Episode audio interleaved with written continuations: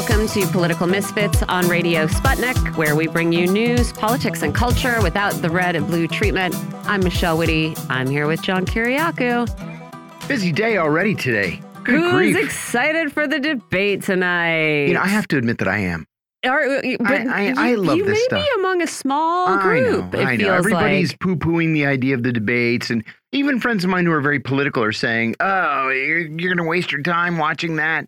I mean, I kind of have to anyway because uh, we have the show. But but I just love this stuff. I, I would watch it if I, you know, had nothing to do. Yeah, I mean, I think it'll be. Uh, it will be interesting for me to see which way it goes for Yeah. Vivek Ramaswamy. Uh, Yeah. Who could either like it could be really good for him, or he could uh, kind of get scared by the the big guys in the room. We'll see. Uh, your girl Marjorie Taylor Greene Wow. pumped for the debate. Wow. That Ron DeSantis debate bingo card. It was it so did mean make me spirited. laugh. I mean, it was pretty funny. It was. It was funny. But mean spirited. Yeah, I have a question. She's mean. again, I was out of the United States for 10 years, right? Mhm. A, a solid 10 years where I didn't really pay attention to like sure. a lot of um, domestic political squabbling. Is is this a change in I mean, like 10 years ago, would somebody have tweeted a picture of a bingo card about a presidential candidate that said, like, you know, uh, accidentally belches, or you know what I mean, some, something like this, or or is there a genuine change? It feels like a change to me, but I have to always remind myself that there was I, I spent a chunk of time not observing, so maybe I just missed Right. it. We go through cycles.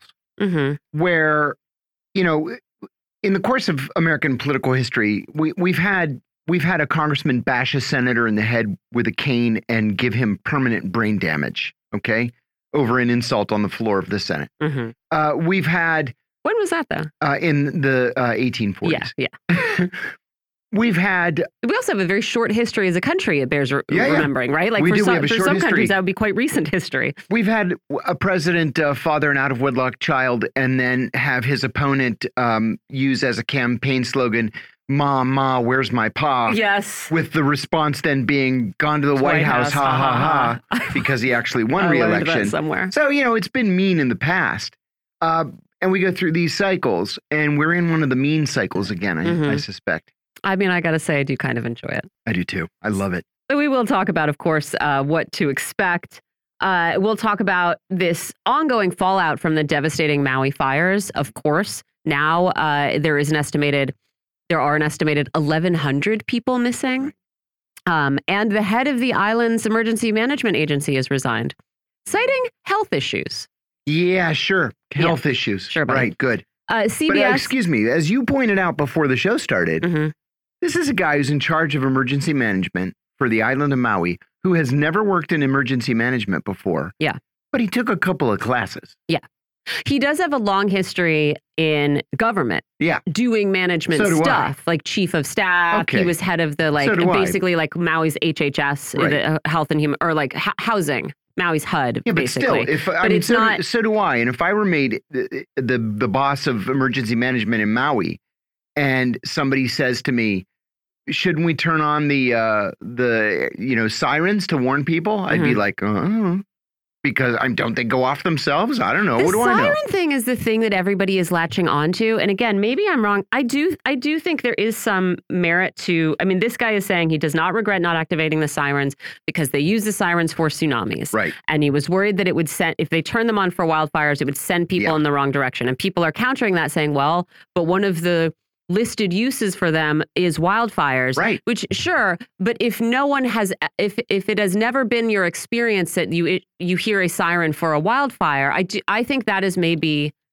maybe the least of the criticisms Yeah. and the rest is like traffic management, Right. warning systems, uh, you know, every, every communication on every single level, you know, pr uh, preparation, all of this other stuff. To me, like the sirens are getting a lot of attention, but I find the explanation for not using the sirens pretty credible. Again, not an emergency response professional myself. Yeah. But yeah, it does show the limits of saying, well, this is a good person at this is a person experienced at managing managing offices and managing human beings. Yes. But maybe having some subject matter expertise does actually matter even at the highest of levels, Oh, yeah. right? It does. And certainly you find out that it matters now in a disaster, right? I don't know if he would have had to, well, yeah, who knows? We're going to talk about what is uh, going on at the BRICS summit in South Africa as the leaders of those BRICS nations actually get together to talk. We'll talk about who's heading to Georgia to turn themselves in. We'll talk about why the United States is, you know, heartbreaking to see uh, divisions like this happen. Uh, we're sanctioning our former friends and allies in Syria. Yeah. Really sad to see relationships go bad like that with uh, groups that yeah. once we once we were happy to arm and partner with, and now suddenly realize are uh, committing terrible human rights violations. Yeah, don't Aww. you miss the good old days when we we armed and supplied Al Qaeda because they were slightly less radical than the other guys? Yeah, yeah, yeah exactly. Just great. And uh, why, at least according to you know private conversations that a Gray Zone reporter claims to have crashed, uh, our long term plan is to give a whole statelet mm -hmm. to what was Al Qaeda sure. not very long ago and has been in the process of rebranding itself for the past eight ish years. We're going to ask what to make these rumors that France is planning an invasion of Niger. We'll ask about this increase in COVID hospitalizations in the United States. We'll ask about like what is going to happen in our society and in the labor market when some of this funding COVID era emergency funding for childcare dries up and up to 3 million children are pushed out of childcare because their parents can no longer afford it. I thought everyone was desperate for workers. Yeah. Nobody wants to work anymore. We've got all these open slots. We can't find anyone to fill them. Well, when some number of the parents of these children have to quit their jobs themselves. Yes. Because there is either no access to childcare or they can't afford what's around, I feel like that's going to get even harder. And yet, impossible to do things like make permanent the expanded child tax credit. Yes. Or make permanent some of this, uh, you know, su subsidy subsidies, subsidization of childcare. You know, way back when, when I was still working at the CIA, I sat next to a woman who um, uh, had twins. She had twins while we were working. That would have been surprising. And she, yeah, she uh, that would have been quite startled. took six weeks off and then immediately came back to work. And she was complaining to me one day about the cost of of childcare, and it turned out that her entire salary was going to childcare. And. I said, "Why, why, why work at all if you're spending every cent that you make on childcare. She said, well, it would, I, I would go crazy if I had to be home with two screaming newborns, yeah. you know, all day long, which I fully understand having, you know, had and also, five of my you own. got 401ks to think about. You have retirement to think about. You have coming, returning yes. to your career to think about, you know, I mean, again, I would, I wish people could stay home and take care of their kids. Well, my, my point though was that there was just no way out for her. Yeah. It was either pay it or stay home, you know, and, and just take care of your kids there was no there was no option for something else or something cheaper or something in house. It was just like like the government said, "Okay, this is your problem. Good luck." Yeah. And that was it. She was on her own. The U.S. Treasury Department, in a in a recent uh, report on the state of childcare in the United States, noted that you know this is true across the board of people who care for people who are sick, who are elderly, whatever, yeah. and the people caring for our children. Uh, they are paid so little that a lot of them end up uh, also using different sort of government poverty alleviation programs, uh, food stamps, whatever. They're on Medicaid, whatever. And again, it's just like this is the same thing with Walmart and all these other, yeah. um, you know, uh, industries that are allowed to keep wages artificially low. You either are subsidizing this on the front end or you're subsidizing it on the back end, mm -hmm. right? That's right. By paying for right. supplementing the wages that these entities aren't, I think in a lot of cases, able really to pay. Yes uh, because the math just doesn't add up. And so again, it's just like, well, what if we just did it? What if we just did it on the front end so that these people had more money anyway yes. to put into their communities, to spend on their own, own children, to spend in their own neighborhoods, rather than you know, imagining that we're saving a little bit of, of, of money, just keeping them at the poverty level yes. when nobody gets to contribute, you know, it's just so, it's just really stupid and yes. short sighted and That's very frustrating. absolutely right. Hey, can I add a couple things real quickly? Yeah. Uh, just as I was coming in uh, to the studio, a moment ago, uh, I saw breaking news that there is a shootout underway in uh, in Pittsburgh. Yeah. Did you see this? I also, I know only the headline. Uh, they were apparently officers were fired at as they tried to evict somebody. Right. They they went to a house to serve an eviction eviction notice, and the guy opened fire. Uh, there are two dozen cops completely ringing the entire city block, and they're yeah. trying to evacuate people in the neighborhood. So that's ongoing right now.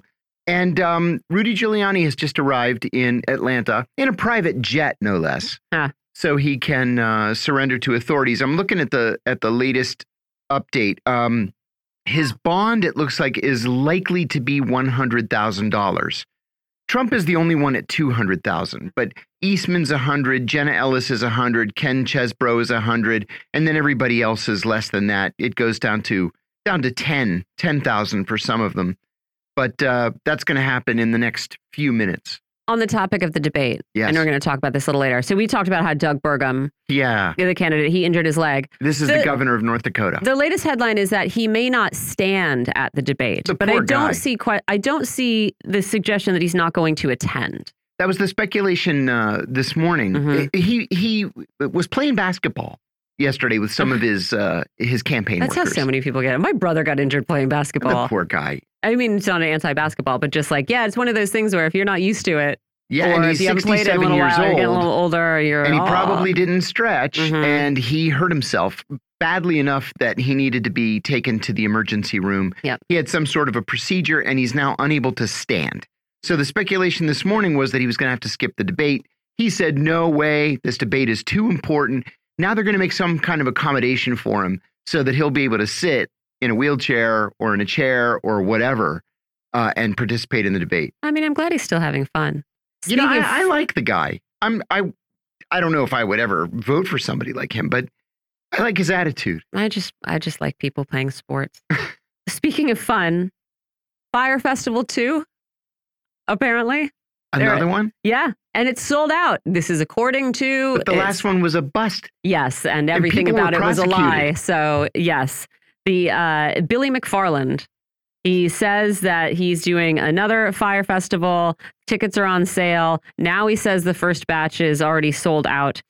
He said he's got a 50 page plan outlining how he's going to make the impossible happen. I don't know when we'll see it or if it'll be like Trump's report on how the election really, really was stolen. Yeah. He wrote that since 2016, Fyre has been the most talked about festival in the world. We now saw this convert to one of the highest priced Georgia pre sales in the industry. That's He's working with the best logistical and infrastructure partners this time around. Okay. I don't know if I buy any of this. The other story that I wanted to mention is did you see this um, terrible story about how uh, the father of an NFL player was killed in an explosion, a home explosion in North Carolina? Yes. Yeah. How long ago was it that this house in Pittsburgh exploded? yes. And again, a week with the, ago in Plum Township. um, the Pittsburgh explosion, they are now looking at a pinhole sized leak in, In a a, gas, what is it called? A gas gathering line That's right. a few hundred feet behind the homes. Uh, this is a report from. This is a report from the in the Pittsburgh case. Oh, just yesterday said last week investigators had said the home had hot water tank issues, Yes. but now they're saying, look, we're we're still looking at everything. I mean, Did my you see guess the video of the explosion? in Pittsburgh or North yeah, Carolina. in Pittsburgh. Uh, it was like a bomb. It made a mushroom cloud and everything. It was. This was no. a major. Send me the video. I want to see it. Yeah.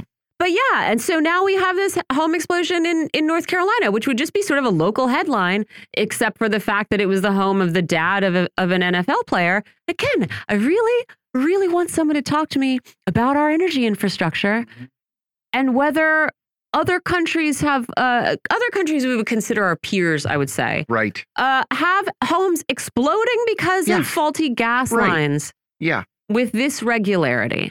It yeah. just It's like seems, this is Nigeria or something. I mean, know? I genuinely don't know, right? I genuinely do not know if in Canada or the Netherlands or whatever, another sort of uh, wealthy, industrialized nation that uses gas as energy has this kind of safety record.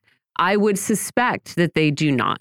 I would agree. And I really, again, it's it's one of those things where it feel it, it doesn't happen, you know, it's not like the explosions are going off in your neighborhood all the time, so you notice it, but it feels like this is probably too high a level of homes just blowing up at random with people in them because something went wrong with their gas. Again, maybe we'll find out that these two explosions were not related to anything of the sort, but I doubt that. Yeah, I do too. yeah I doubt it. All right, let's uh, let's take a quick break, come back, and we'll talk about what's going on at BRICS. We'll talk about what's going on with Syria. Uh, we'll talk about what's going on in Maui and get into all this sort of international news. There's a lot. You're listening to Political Misfits on Radio Sputnik. We're live in DC, and we'll be right back.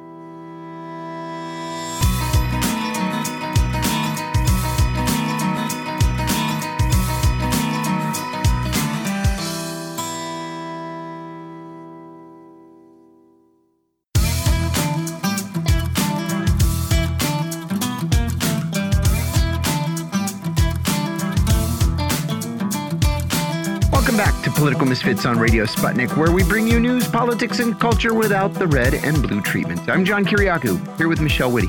The Five Nation BRICS Summit opened in South Africa yesterday with the leaders of Brazil, Russia, India, China, and South Africa offering introductory speeches. President Putin appeared by video. Reports from Johannesburg say that the agenda includes what could be a radical expansion of the group financing for the New Development Bank, that's the name of it, it's based in Shanghai, which would be an alternative to the World Bank, and even a common currency.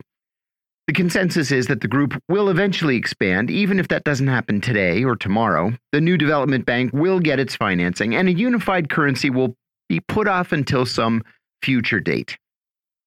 California, you likely know, was walloped a few days ago by Hurricane Hilary. The storm didn't follow the path that meteorologists initially thought it would, and instead it veered off into the desert, striking Palm Springs and the Coachella Valley before moving north into Nevada. There was no loss of life, but damage is in the billions of dollars. And to add insult to injury, in the midst of the storm, nearby Ojai also experienced a 5.1 magnitude earthquake. The problem for California, and especially for desert towns, is that the earth is unable to absorb that kind of volume of water. So instead of soaking into the ground and maybe replenishing the water table, it runs in torrents downhill, flooding neighborhoods and destroying homes. And that's what happened. It's been two weeks since wildfires broke out in Lahaina on the Hawaiian island of Maui. 115 people have been confirmed dead and 1,100 are still missing. That number is likely to come down, as the FBI said yesterday, that many of the missing are identified by a first name only. Others are likely on the mainland, and still others have not yet called in to confirm that they're safe. Safe, but still, many, many questions remain to be answered. Why did the state's power company not turn off electricity when they learned of powerful winds in the forecast? It was a downed power line that apparently caused the initial fire. Why was water not readily provided to firefighters? And why were non native grasses, which dried out and caused the fire to spread so quickly, allowed to be introduced into the area? We're joined by Richard Becker. Richard is the author of Palestine, Israel, and the U.S. Empire, and he's the West Coast coordinator of the ANSWER Coalition. Welcome back, Richard. We're glad you could join us. Thanks very much for the invitation. Thank you, Richard. Let's start with the BRICS Summit, if we could. The meeting is getting a lot of press attention, but there's no indication that a whole lot of substance will come out of it. What do you think we should be looking for today and tomorrow? Do you expect BRICS to expand for the first time since South Africa was admitted in 2010? Well, I think it's very hard to say because the the BRICS countries, I think the the BRICS formation is really a, an, another indication of the desire of the vast majority of people in the world to see an end to the domination, uh, the hegem- hegemonic uh, domination of the United States uh, with its allies as junior partners. And, and this is really uh, what has characterized world politics since World War II to a very large degree. That period is coming to an end. There's no question about that. How exactly that will unfold in regard in regard to BRICS, uh, I, I, think it's uh, accurate to say that it's very doubtful they they probably won't be adopting a new currency, a new global currency. But it's also interesting that uh, India bought oil a few days ago, uh, a shipment of oil from Saudi Arabia, and, and, paid in rupees, according to the news reports, which and, and uh, oil transactions are uh, are uh, carried out with dollars uh, almost exclusively uh, in the world, with very very few exceptions. So you can see that the change is coming, the change is unfolding. How it exa- exactly unfolds is also influenced by the fact that within BRICS there are different social systems uh, that exist, and not all of them are in, uh, in you know in, on friendly terms with each other. For instance, uh, India has is also connected to with the Quad to the United States, Australia, uh, and uh, and other countries, uh, in really an alliance that is seen as a military alliance against China. Mm-hmm. So you have them in the BRICS, but and having commonalities and common views on some things, but also uh, being at odds with each other on the uh, on the other hand. Right. I'm interested too um, in in what I read today about some of the tensions that we're seeing in Johannesburg. I would have thought that one of the easy decisions would have been to agree to expand and approve a handful of countries with robust economies or countries that have the ability to to provide um, some sort of um, geographic uh, stability or evenness. Uh, countries like Saudi Arabia, South Korea, Indonesia, and Argentina. More than 40 countries have applied to be in BRICS, but these are the ones that are considered to be the frontrunners. The Chinese have been pushing the idea of expansion, but it's the Indians, it turns out, who are pushing back. Prime Minister Modi said yesterday that he does not want to see the group stacked with pro Chinese countries that will tip the balance in that direction. Do you think that that's a real concern? And if it is, how much of a role do you see it playing in the near term future of the organization? Yeah, well, that's uh, as I was saying, it's it's really you know one of the contradictions within BRICS is uh, between China and India, and the fact that India has aligned itself um, and in military terms is aligning itself with the United States uh, and sees the expansion of BRICS uh, at this point, or at least this is what we surmise, uh, is at this point that, that the expansion of BRICS and, and to bring in the countries or some of the countries that you just mentioned among the 40 that have applied uh, will strengthen China's international position. Uh, so uh, again, uh, the BRICS is is this uh, really it's a, a manifestation of the desire on the part of much of the world to escape from this hegemonic pattern of the last uh, nearly 80 years.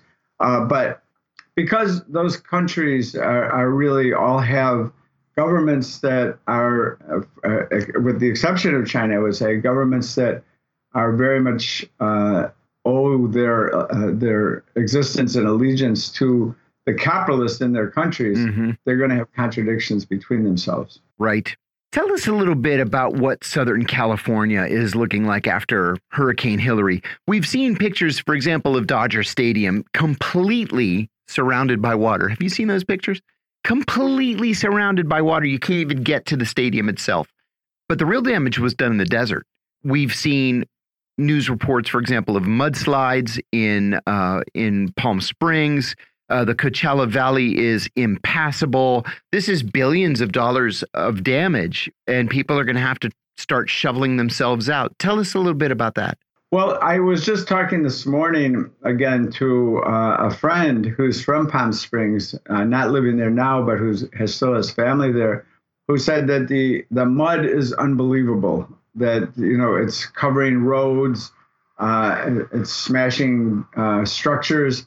Uh, the there's no preparation for something like this, and you know, in the climate change is bringing about these kind of events that have not happened or uh, or, or spend a very very long time, like this kind of a storm hitting Southern California. The last time that happened was 1939, when the whole area was much much less developed. And uh, many of the, uh, much of what absorbed uh, extraordinary storms and water and so forth has been destroyed and replaced by concrete, uh, freeways, streets, roads, parking lots, you know, et cetera, et cetera, et cetera. So uh, uh, the person I was speaking to said, you know, that while their their family and friends are okay, uh, it takes them hours to travel anywhere if they can travel to some of the areas that have been uh, have had these immense mudslides uh, that have that have covered you know much of the uh, the territory, particularly inland. Uh, so you know, and and the thing you know is that this is related to the lack of emergency preparedness that comes to light every time there's one of the big disasters, whether it's a few years ago and the incredible firestorms that took place here, or now what we saw in, uh, in Maui, uh, the incredible devastation there. Um, and every time we see the lack of preparedness and the lack of uh, uh of uh, the government really taking seriously its responsibility of dealing with disasters like this. Yeah. We had you on the show once a couple of months ago, and we had a brief conversation about um, about the state of California's inability to collect rainwater. It just uh, it just goes out into the ocean. Uh, is there any serious consideration of uh, of enacting a, a, public work to begin collecting rainwater to store it underground, uh, so that California doesn't have problems as as significant as as these when there is rainfall? Well, I haven't seen any indication of that. Um, I mean, it may be happening, but you know, the prediction now is that this will be should be another winter uh, with a lot of rainfall in in California. Whether or not that bears out or not, the the El Nino La Nina uh, back and forth. It's supposed to be El Nino, which should produce more rain, but I haven't seen any indication really of that of that kind of planning. There's a there's a lot that, you know a reaction to disaster, disasters. Like right now, you can hardly turn on a television without seeing the CEO of PG&E telling you about what wonderful things they're doing. Well, they didn't do such wonderful things for decades, and meaning that they didn't bury the power lines. Uh, the same thing happened in in Hawaii in in, in Maui, where uh, you know now they talk about well we're going to bury the power lines, but they didn't, and as a result, there's been these catastrophes, uh, and really. Uh, the preparation for disaster does not produce profits.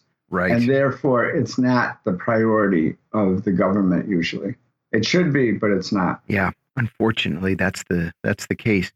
Um, is the is the state doing anything also to to mitigate damage in any way? You know, between wildfires, which happen multiple times a year, and flooding that we that we saw earlier this year in the spring when the snows began melting to hurricanes and earthquakes, there's got to be something that Sacramento is doing to mitigate damage to the state's infrastructure, isn't isn't it? Uh, it could be something as simple as planting trees or or runoff control or something. Yeah, I mean, if the government was really representing the interests of the people, um, they would be doing. Uh, there's so much that could be done, so much, a great deal that could be done and instead we have things that develop and they just kind of you know they're, they're observed. And I, am not criticizing the scientists and the technicians who are trying to, to deal with things because they're trying very hard. This isn't against them. But you know the the lake that reformed in um, in southern california tulare lake which it was once the biggest uh, freshwater uh, body of water west of the Mississippi River and went dry because of the irrigation demands of the southern Central Valley uh, in the late 1800s, actually. Most of it was gone by 1900. Well, it kind of came back because of all the rain, but it came back in a deadly form so that uh, there's a lot of disease and a lot of chemicals that were stirred up by it. So you have like flocks of the migrating birds dying there. Uh, and, you know, they, a lot of they were able to uh, to avoid the flooding of Corcoran and the prisons in Corcoran, uh, but you know there's just not the thought given to this. And you know I, I remember back in 1989 when the I was here in San Francisco when the 6.9 earthquake hit and there was a lot of destruction. It was a, it was a very big earthquake. Uh, and we found out that the uh, San Francisco officer uh, Office of Emergency Management or Emergency Services had gradually over the years been reduced from 55 people to two. So there was very little. There was a lot of uh, the, there were a lot of problems that existed in the earthquake, which never got any publicity. Like people living in the downtown area, the Tenderloin area, uh, in single room occupancy hotels, who were dependent on food from local low cost restaurants, and all the power had been turned off. The restaurants were not in business. They didn't have food. They didn't have food for days and into uh, into weeks. And you know the lack of preparation again is because the, the emergency services, the emergency planning, doesn't produce profit, and profit is the priority of and protecting and enhancing profit is unfortunately that's the priority of our government. Yeah. Tell us what the current situation is with California's uh, water. Uh, is it still being rationed? Is the aquifer filling back up? Uh, does this hurricane change anything? I doubt that it changes very much because, uh, as you pointed out, you know the water, uh, like in this storm and in some of the other storms, there's more. The the the reality is is that the um, the reservoirs in California are all relatively full, which is a very good thing. And I think that the you know there's been attempts to uh, contain water runoff so that it does um, refurbish the the aquifer, uh, particularly in the Central Valley. But you know you you continue to have this problem, and that is that there's huge uh, uh, expanses of uh, of almond trees uh-huh. in the Central Valley, which use immense amounts of water. Incredible amounts of water. It's like raising cattle. They use crazy amounts of water.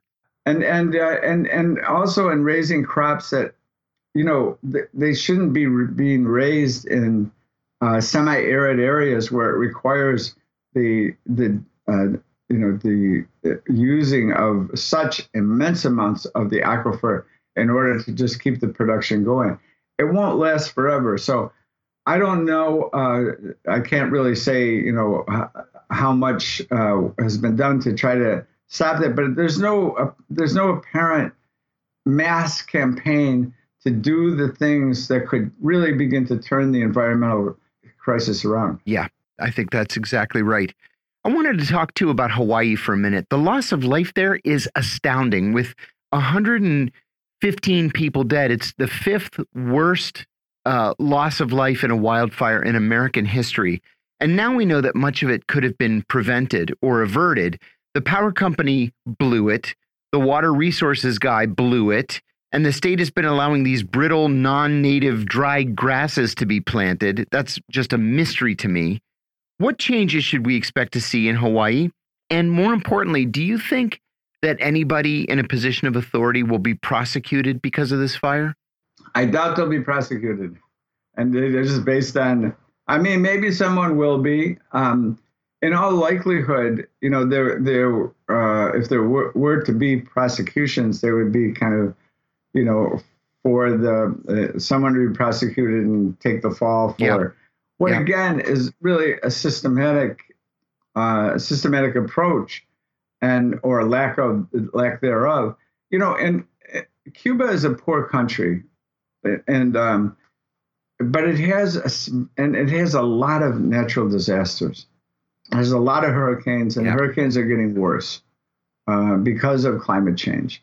uh, but they have a very, very effective uh, emergency response um, system that's set up that has saved thousands and thousands of lives uh, from uh, from storm from big storms that have hit the the island.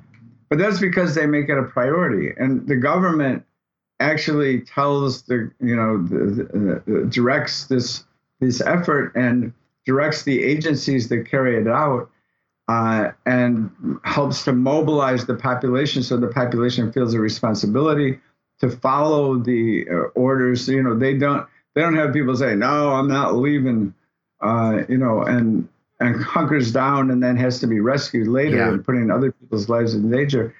But that's not that's because the government is really in control. And, and the the issue that we face, the fundamental issue is that the government does not tell the corporations what to do here. They tell the government what they're going to do. And we see it all the time the collaboration between Public Utilities Commission here in California and San Francisco uh, you know, they just they just gave the green light to uh, unlimited numbers of driverless vehicles in yeah. San Francisco, even though they're running into fire engines and so forth.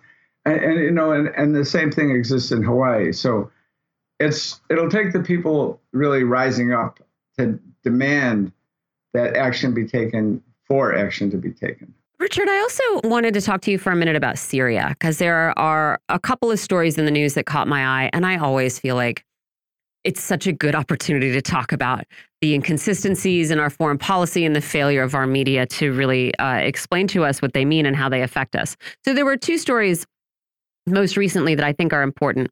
There was one in the gray zone about Washington's long term plans for Syria, and there was one in Responsible Statecraft about how quickly and with such minimal fanfare our friends turn to enemies there. And so that's where I want to start with the Hamza division and sanctions. Last week, the United States announced more sanctions on entities in Syria, interestingly, on entities that we used to support. We are accusing the Hamza Division and the Suleiman Shah Brigade of crimes including pillaging, rape, kidnapping, and torture against Kurdish populations around Afrin, Syria, which is weird since the Hamza Division was once part of our uh, train and equip program, and you'd think that we'd have uh, trained all the raping and pillaging out of them as we supplied them with weapons for fighting Islamic State.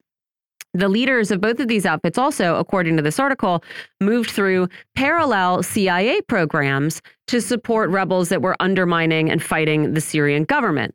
Uh, and and so uh, both of these entities also have close ties to Turkish intelligence, which just a month ago we were defending, saying Turkish-backed groups are definitely not doing ethnic cleansing in the areas of Syria that they're occupying. So if I'm to understand the statements and actions of my government correctly, uh, Turkey is not doing any sort of ethnically targeted violence or ethnic cleansing, but Turkey's and our former buddies are. And so to me, this this speaks, of course, to how quickly our alliances shift in reality, how little we actually regard human rights in Syria when they maybe conflict with our political goals there. But also, I mean, there was a time not too long ago when Syrian propaganda was really, really powerful. And if you suggested that there might be baddies there who weren't either mm-hmm. Bashar Assad or Islamic State, that's right. Uh, you must just love dictatorship and murder, right? right? I mean, it was really a, a, a toxic conversation to try to have. And so the fact that now, a few years on, uh, you can have these shifts happen really without generating a lot of public scrutiny, certainly not in the main mainstream, without the US government saying, like, oh, yeah, I guess it was a mistake for us to give all these weapons and training to this group. It really points to, I think, the the level of propaganda that we experience when you are trying to get news about world affairs from the US mainstream mm-hmm. press. And so I wanted to ask what what you make of these new sanctions and what they should tell people, you know, not only about our actions in the past in Syria, but very likely about our actions in the present. Well, the the story of, of the of the U.S. policy towards Syria and what it has done to Syria since, especially since 2011, um, you know, is really it's a, it's a terrible it's a terrible story, and you know the at, at various times the Syria has allied itself with the U.S. Um, and I think this goes along with what uh, what you pointed the contradiction, the contradictory nature and the shifting of uh, who the U.S. is allying with, and particularly there. Uh, you know, so in, in, when the first Gulf War started, the U.S. really needed to have an important Arab state sign on to the yeah. war against uh, against Iraq and they got Syria to do it to join the 28 uh, country coalition. It didn't mean Syria became a puppet of the U.S. That wasn't that would be a, a, a mischaracterization. What they got in, in, instead was a deal to uh, to end U.S. support for the presently the government existing at that time in, in Lebanon. So and it's gone back and forth. There was you there was Syrian cooperation with the U.S. after 9/11 as well. Um, but you know the the old saying that the the great powers have no permanent friends; they have only permanent interests. Uh, really, uh, could not be highlighted more than in the case of uh, Syria. So this going back and forth. The right now Syria, uh, which I visited last, I, I think I visited there for a conference in 2005, and you know, a lot of people had a lot of grievances against the government, but it was a peaceful country. It was a united country. Uh, there weren't Uh, there, there, there weren't homeless people in the at least in Damascus. You didn't see homeless people. Um, you know, it was so with, with, its problems that it had. It was, and it was, it, and this is, I think, what has made it the target of so much attention, unwanted attention from the U.S. and its allies, is that Syria is a key strategic country in the Middle East. It borders on Lebanon and Israel and Turkey uh, and, uh, and and Iraq and Saudi Arabia, I believe it also. And I mean, it's like the central. It's the central state uh, in in the in the uh, the Levant region of the Middle East, and so it has suffered a lot oh, since since the uh, uprising in 2011. Uh, that was supported by the U.S., by all the NATO countries, supported by Turkey and Saudi Arabia. And it looked for sure like at one point, I, I think in 2011, 2012, it looked like the Syrian government would fall, and uh, and it didn't. And you know, Russia gave assistance, which is one of the main reasons that the hostility toward Russia really, really escalated. So now today, Syria is divided. There's different forces um, that control different parts of the country, including the U.S. military mm-hmm. which controls the area that where most of the oil, where most of Syria's oil, oil, uh, Syria is not a big oil producer, but it was a country that was able to provide its, made its own domestic needs with a little bit of uh, a sale. But now it doesn't control that. There's great suffering inside Iraq now because of the sanctions, because of the war. The government has regained control of the key strategic, the most important strategic regions of the country in the in the West, but uh, much of the territory remains under the uh, uh in the hands of others, and so the U.S. goes back and forth, but refuses to leave. It's the U.S. is there illegally. Uh, it, it, was the government did not ask for the U.S. to come in, uh, and the the latest sanctions add on to uh, just the pile of sanctions that's already that already exists that are, is really really contributing to uh, to death and and illness and destruction in Syria. I mean, when you say no permanent friends, only permanent interests, I suspect a lot of Americans would think, oh, and those permanent interests are, uh, you know, democracy and uh, human rights right. and, uh, you know, education and whatever, which of course is not the case and is sort of exemplified by uh, this gray zone piece by a, a Syrian American reporter who says he was able to crash some meetings of the American Coalition for Syria and the Syrian American Council, who, among other things, are advocating for the United States to not offer any sanctions relief to Syria for any reason, including, um, you know, that devastating earthquake that occurred not too long ago. And, you know, according to this report, you know, we got to listen to discussions about Washington's true goals for the country, which is to like prolong and eventually perhaps formalize uh, this kind of partition that you alluded to, uh, creating a, a, Kurdish state, uh, keeping the sort of U.S. occupation, and also as a result, probably creating a, a sort of statelet that would be governed by uh, Tahrir al-Sham, which was formerly al-Qaeda, which has rebranded itself multiple times over the years to try to get delisted as a terrorist group. But I mean, this is not a law.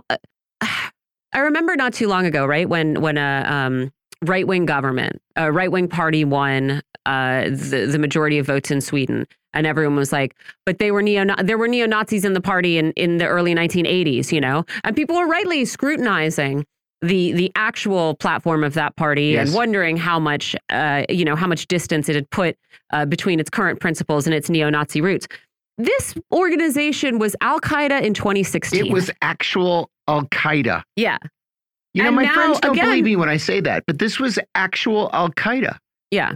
And so again, this is this is who we think would be fit to to govern us. This would be better than uh, uh, an intact country governed by, uh, you know, a governor who, as you say, people have legitimate uh, and serious criticisms of. But is this is this better? You know, is this is this a a, a better situation for mm -hmm. Syrians?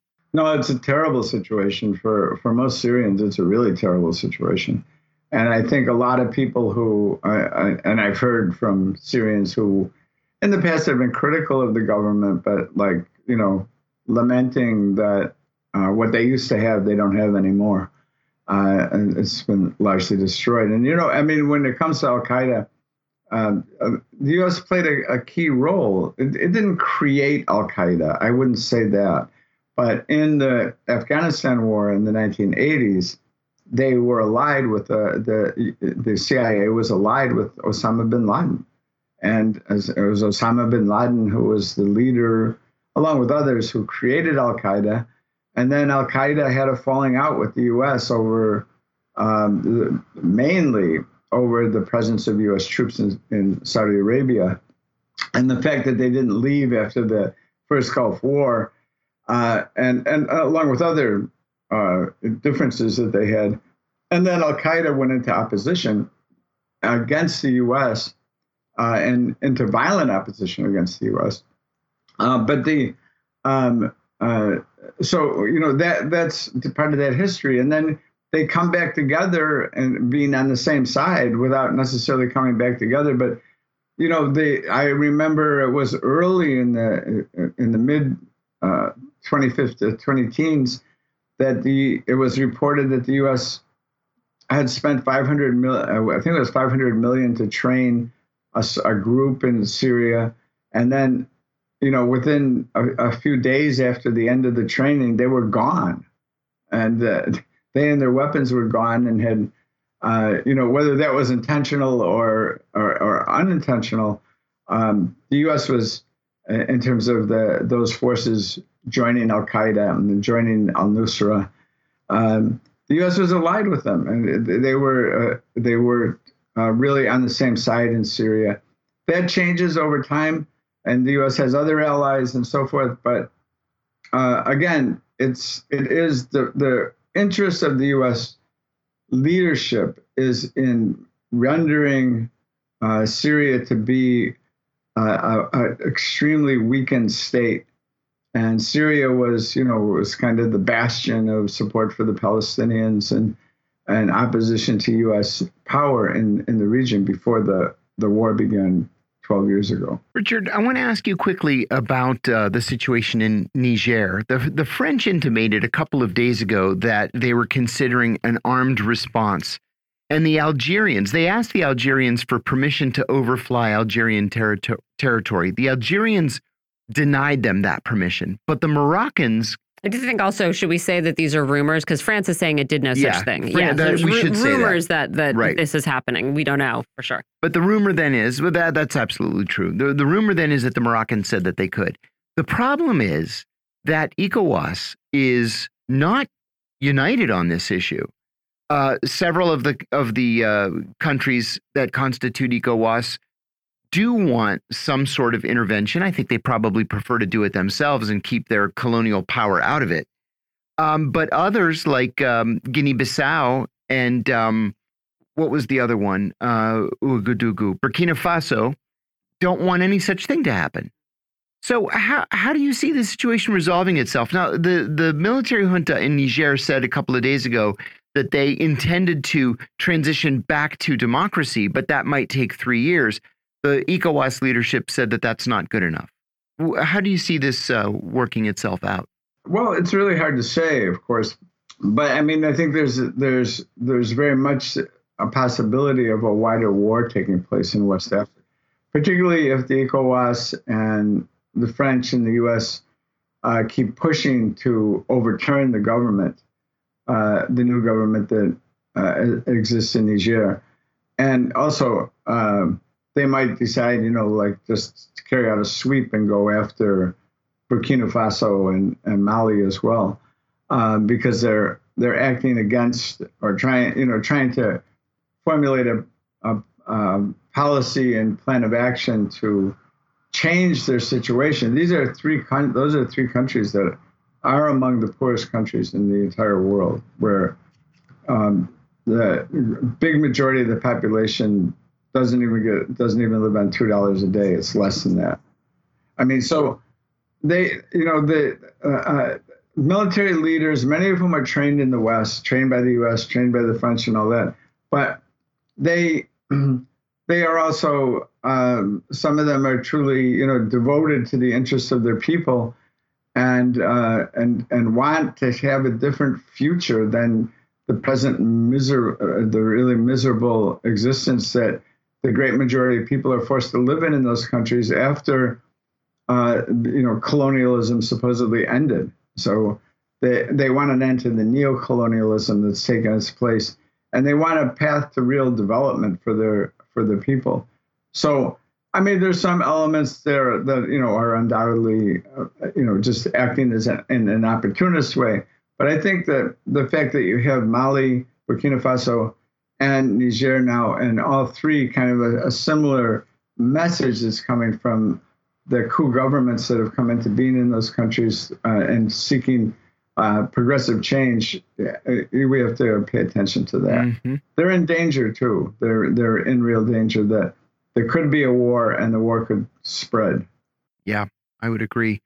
Well, Richard, uh, thank you for joining us. Uh, Richard Becker is the author of the book Palestine, Israel, and the U.S. Empire, and West Coast coordinator of the ANSWER Coalition. Uh, you're listening to Political Misfits on Radio Sputnik. We, we have, have, time for. we don't have time for a break. We're less than ten. Yeah, minutes. yeah. No, yeah. I was just looking at this. I mean, again, talking about what surely is going to be part of a, um, you know, a post mortem to. Sorry, I'm failing to find a more tactful word. Uh, but about the the disaster response in Maui, you see these reports that um, people who disobeyed traffic cones and barricades survived Oh my God. Because roads have been shut down. I mean, like, you know, roads have been closed for reasons that in different circumstances would have been pretty good reasons. Like they, you know, they were determined to be not safe. But as as any route of exit was closed off by this really fast moving fire, it is starting to look like, you know, people who swerved around these cones and took these roads or swerved around these barricades survived and people who heeded them, you know, and and heeded directions to you know, tur turn back to a place that was already on fire to avoid a lesser danger ahead of them were among those who died. Again, this is all pretty wow. preliminary, but I don't know, just if you wanted to feel even sadder about that tragedy, there you go. I wanted to give a little update on Pittsburgh, too. Oh. Uh, this is happening in Pittsburgh's Garfield neighborhood, which is just outside the uh, the downtown area near Children's Hospital. It turns out what's what's happening is that uh, the, the cops went to this house to serve an eviction notice the guy told them to get out. They stood there for a minute and then tried to break down the door. They couldn't break down the door. So they used a sledgehammer to finally break down the door. And as soon as they did, he fired a shot at the cops. They responded with 200 shots yeah. into the house and flashbang grenades. Bullets went flying all through the, the neighborhood, through the windows of neighboring houses, into a woman's kitchen. Did they hit the guy? No, they didn't hit him. wow. The standoff is ongoing. Yeah. Nice, That's huh? wild. I mean, look. Somebody needs to spend more time at the range. We talk a lot about about trigger happy cops here. I think if you shoot at police, you should for sure expect to to receive fire sure. yourself, and I think that that is only reasonable. Now, police just not hitting the guy they want to hit and sh shooting indirectly up a whole neighborhood. Yeah, exactly. Yeah. So what, what they is, did is, is, what are you prepared for? They they started going around with uh, with bullhorn uh, attached to the police car, telling people to go to their basements and shelter in place, and then call 911 and give the address where you are. And they're sending cars to these individual houses to get people out of their basements and so take them to fire children's wildly hospital. and not worry about yeah. hitting people. Not worry about the cops accidentally shooting and killing a neighbor. Yeah. Wow. Unbelievable. Yeah, uh, it's crazy. Come on. Well, that's why they need Cop City, John. That's right. That's why they need that the training. training. They need the training. Uh, the other story that I have been obsessed with, I know. Well, we have. A, should we be congratulating India for landing their their spacecraft on they, the moon before we get a, into this art story? Yeah, they landed a rocket on the south pole of the moon. That's pretty cool. I thought so too. I like also that we we are told it landed softly, which is very lovely. Very nice. It landed because I think I think Russia tried to do this and its aircraft crashed just a couple of days ago. Um, they said that it uh, began to wobble as mm -hmm. it was entering the moon's orbit and then lost control and crashed into the surface. I would be more excited about this if it didn't feel like it was all about seeing who can better position yeah. themselves to get access to some of the stuff that we might want on the moon. Yes. Like frozen water. Right. Or, you know, or, minerals, metals. Yeah. Uh, I mean, Modi, of course, says that this success belongs to all of humanity. That's, that's wonder the right if thing include, to say. All of humanity except except people in Gujarat and Muslims, I suppose. Yeah, right. Uh, right. Maybe he's changed too, you know. uh, but, you know, people congratulating India, and yeah, why not? Yeah, I think I this like is that. a relatively, I think their space program is a sort of relatively new thing that they've been pushing and cooperating with. I think that was one of the things they really wanted with a new agreement with the United States was more space cooperation, right? And, and they developed very, very quickly. Yeah. Very quickly. And yeah. you know what's kind of cool is they did it with Indian talent. Mm -hmm. It was all domestic, all indigenous. Yeah. That's also been a big push. Made in India. That's been like a big uh, Modi thing. Right. Other story that honestly, I kind of want to get somebody to explain to us uh, it's it starts out with just emotional drama. It's a story of how um, the the two stepchildren of this woman named Sylvia yeah. tried to disinherit her right. after their father, her husband, died, and how she made it her life's goal to win back what she said was taken from her fraudulently. Like she trusted these people. She's been married to this guy for 40 years, right? So I can see you resent having a new stepmom, but she obviously wasn't someone who just uh, showed up. No. Uh, stole a bunch of money, got a good prenup, and then got right. the hell out of there. Uh -huh. They were married for forty years. 40 like they, years. she she cared for their children like they were grandchildren. Again, according to a side of a story that is coming from her lawyer. But uh, she says they had her sign a bunch of papers. She trusted them completely. She didn't know what she was signing, and they ripped her off. But in the course of discovering all of all of this and trying to prove it, they found that it is very possible that this family has been um, behind what is being called the the most long running, elaborate, and uh, fraudulent tax fraud oh systems oh in the God. entire world. It's pretty fascinating. Oh my God. Anyway, Maybe we'll get into that in more detail uh, in the future. You're listening to Political Misfits on Radio Sputnik. We're live in D.C. We'll be back in one sec.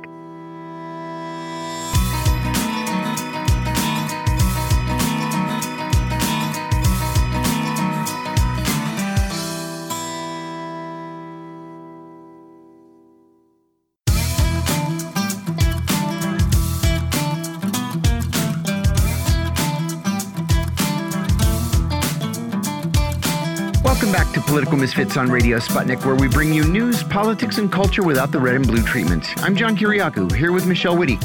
Eight Republicans have qualified for tonight's debate, but only seven are participating. Donald Trump, of course, is not. Instead, he pre recorded an interview with Tucker Carlson that will run on Twitter at exactly the same time that the debate is being broadcast on Fox News. Republican operatives are urging those at the debate to attack Donald Trump early and often saying that the mistake that Republican candidates for president made in 2016 was not taking Trump seriously. They did that at their own peril. In the meantime, Alaska Governor Mike Dunleavy yesterday endorsed Trump for president. Dunleavy is an outlier. Most other Republican governors have remained neutral in the race so far, and of those who have made endorsements, most of them have been for Florida Governor Ron DeSantis.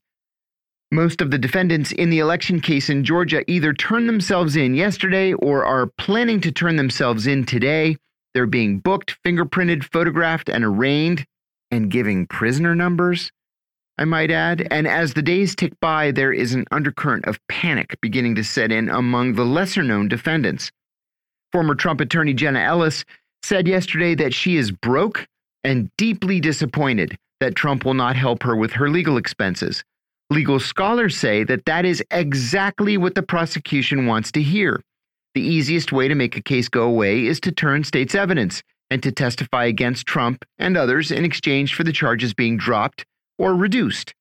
CNN reports today that Rudy Giuliani is similarly broke and has reached out to Trump unsuccessfully for help with his bills.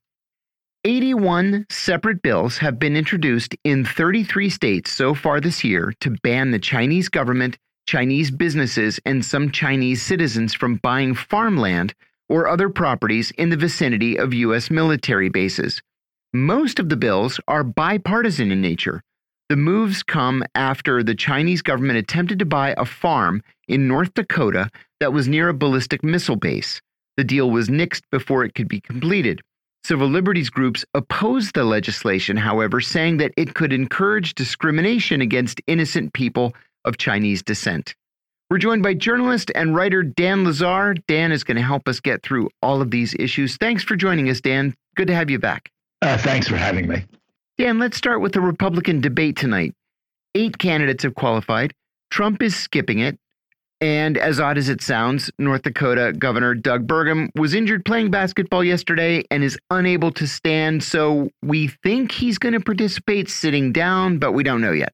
Republican operatives are saying that the key to victory at this first debate is to break out in the debate as Donald Trump's primary attacker. Uh, Trump will not be able to respond, and it'll be newsworthy. Do you agree with that? Uh, not really. I just think these uh, these candidates are in a bind because I think Trump essentially has the nomination sewn up.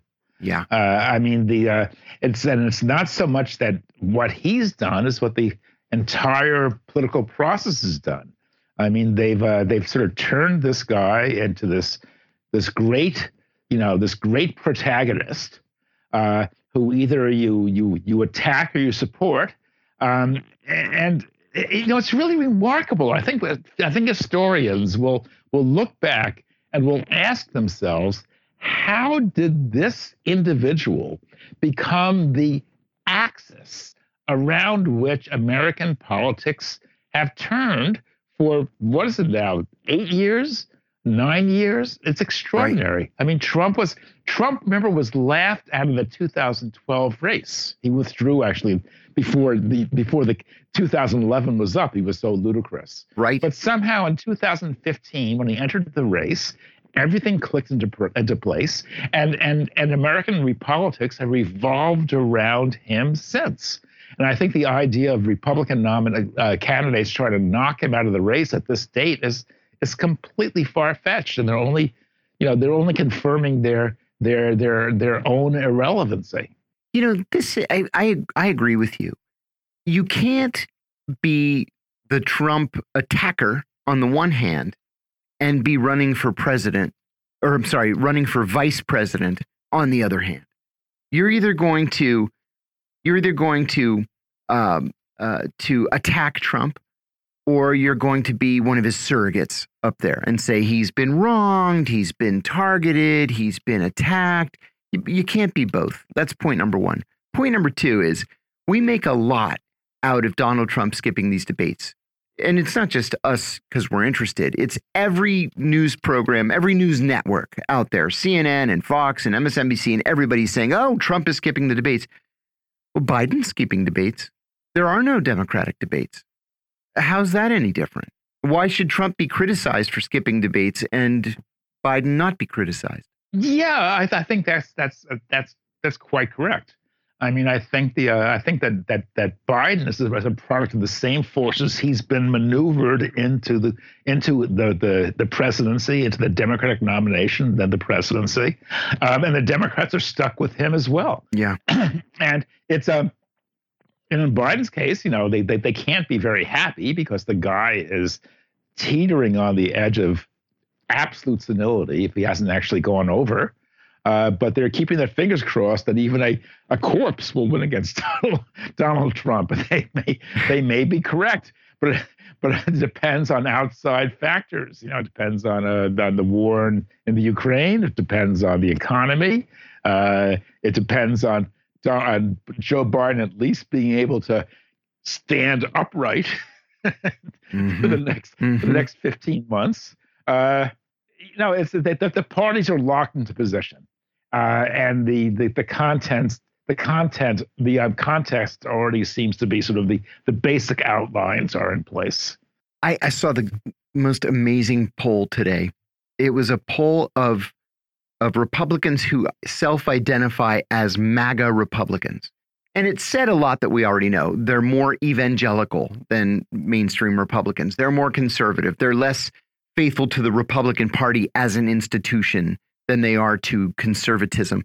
But the most fascinating thing they said was by a vote of 52 to 48, they would rather vote for Vladimir Putin for president than Joe Biden. Yeah. Better social, probably, you know, like uh, better healthcare. Well, yeah, maybe better. Um, I'm thinking social welfare system. Yeah. At least that Vladimir Putin can read a, a teleprompter. Um, uh, I mean, you know, I mean, Biden's a, Biden is totally embarrassing. I mean, uh, this guy is completely out of it. Uh, God, God knows who's running the government. Yeah. I mean, I, I don't know who's in charge there. Uh, maybe it's you know maybe it's a uh, it's uh, it's Sullivan and Blinken are really running the show, and, and Victoria Nuland Right. Uh, Could be. Know. But uh, but but uh, I mean, Biden is just simply the, he's a nowhere man. He is I, he is completely decrepit. Look, if but my my scenario is that is that Joe Biden in the in the spring, February, March, will pull an LBJ, will go on TV, will withdraw from the race. And the, the nomination will not pass to Kamala Harris because they'll they'll pull her aside and say, "Look, Kamala, your numbers are too too pitifully low mm-hmm. to support a nomination." Mm-hmm. So it'll so they, they, they, they will turn to either Gavin Newsom or Gretchen Whitmire, Whitmer, and uh, and I think they would be strong candidates. So that's the that's the the little scenarios playing in the back of my yeah. mind, and I think it's not it's not completely implausible. Getting back to Donald Trump, it's a two part question. Uh, how does he respond to the criticism that we're going to see, at least from Chris Christie and Asa Hutchinson, and and perhaps from um, Mike Pence as well? And then, secondly, does he need to respond to to attacks from people who we already know uh, don't like him? I think he'll just flick them off. Yeah. Uh, and uh, and uh, and and I think that I think that the, the the party that will really lose tonight is Fox News because I think that that that you know Fox thought they could win a showdown with Trump, and Fox is going to wind up begging for mercy uh, which is you know which is kind of a, a, pleasant thing to imagine. And so so therefore, I think that uh, that I, I, think Trump has the nomination all sewn up, and um, I, I, think that the other candidates will will realize that, and they will sort of like you know come back and you know lick the hand of their master, and uh, and that will be the way things are until next spring. I, I think so too. I've been saying this for weeks. I I just don't see. Well, never in American history has anybody ever overcome the the kind of lead that Donald Trump has in the polls since the advent of polls. There have been a couple people who have come close, um, but not not these gigantic numbers that we're seeing state to state. It's just never happened. So turning to Atlanta, big day in Atlanta today. There there has been a parade of people uh, going to the Fulton County Courthouse in Atlanta since yesterday, really, to turn themselves in as part of this uh, this case against Donald Trump and 18 other defendants. We've already begun seeing splits between them. First, Jenna Ellis, one of Trump's former attorneys, said last night on Fox News that she is broke and she cannot afford to defend herself. So she asked Trump, whose legal fees are being paid by a pro Trump super PAC, if he would also pay her legal fees. He said, forget it. The next step to save herself is to flip on Trump and negotiate a deal. Second, another former Trump aide whose expenses are not being covered by this same Trump uh, super PAC is also negotiating a deal with prosecutors. So, what do you think Trump's strategy here is? Is it simply to allow people to be convicted with the hope that that he'll win again and pardon them later? Otherwise, it's not his money anyhow. It's coming from this super PAC. So why not just pay for their lawyers? Well, I, I don't know. I, think that the nearest I can figure figure it out is that Trump assumes the election, the the try the trials will not occur before election day, mm -hmm. and therefore he regards all these maneuverings as irrelevant mm -hmm.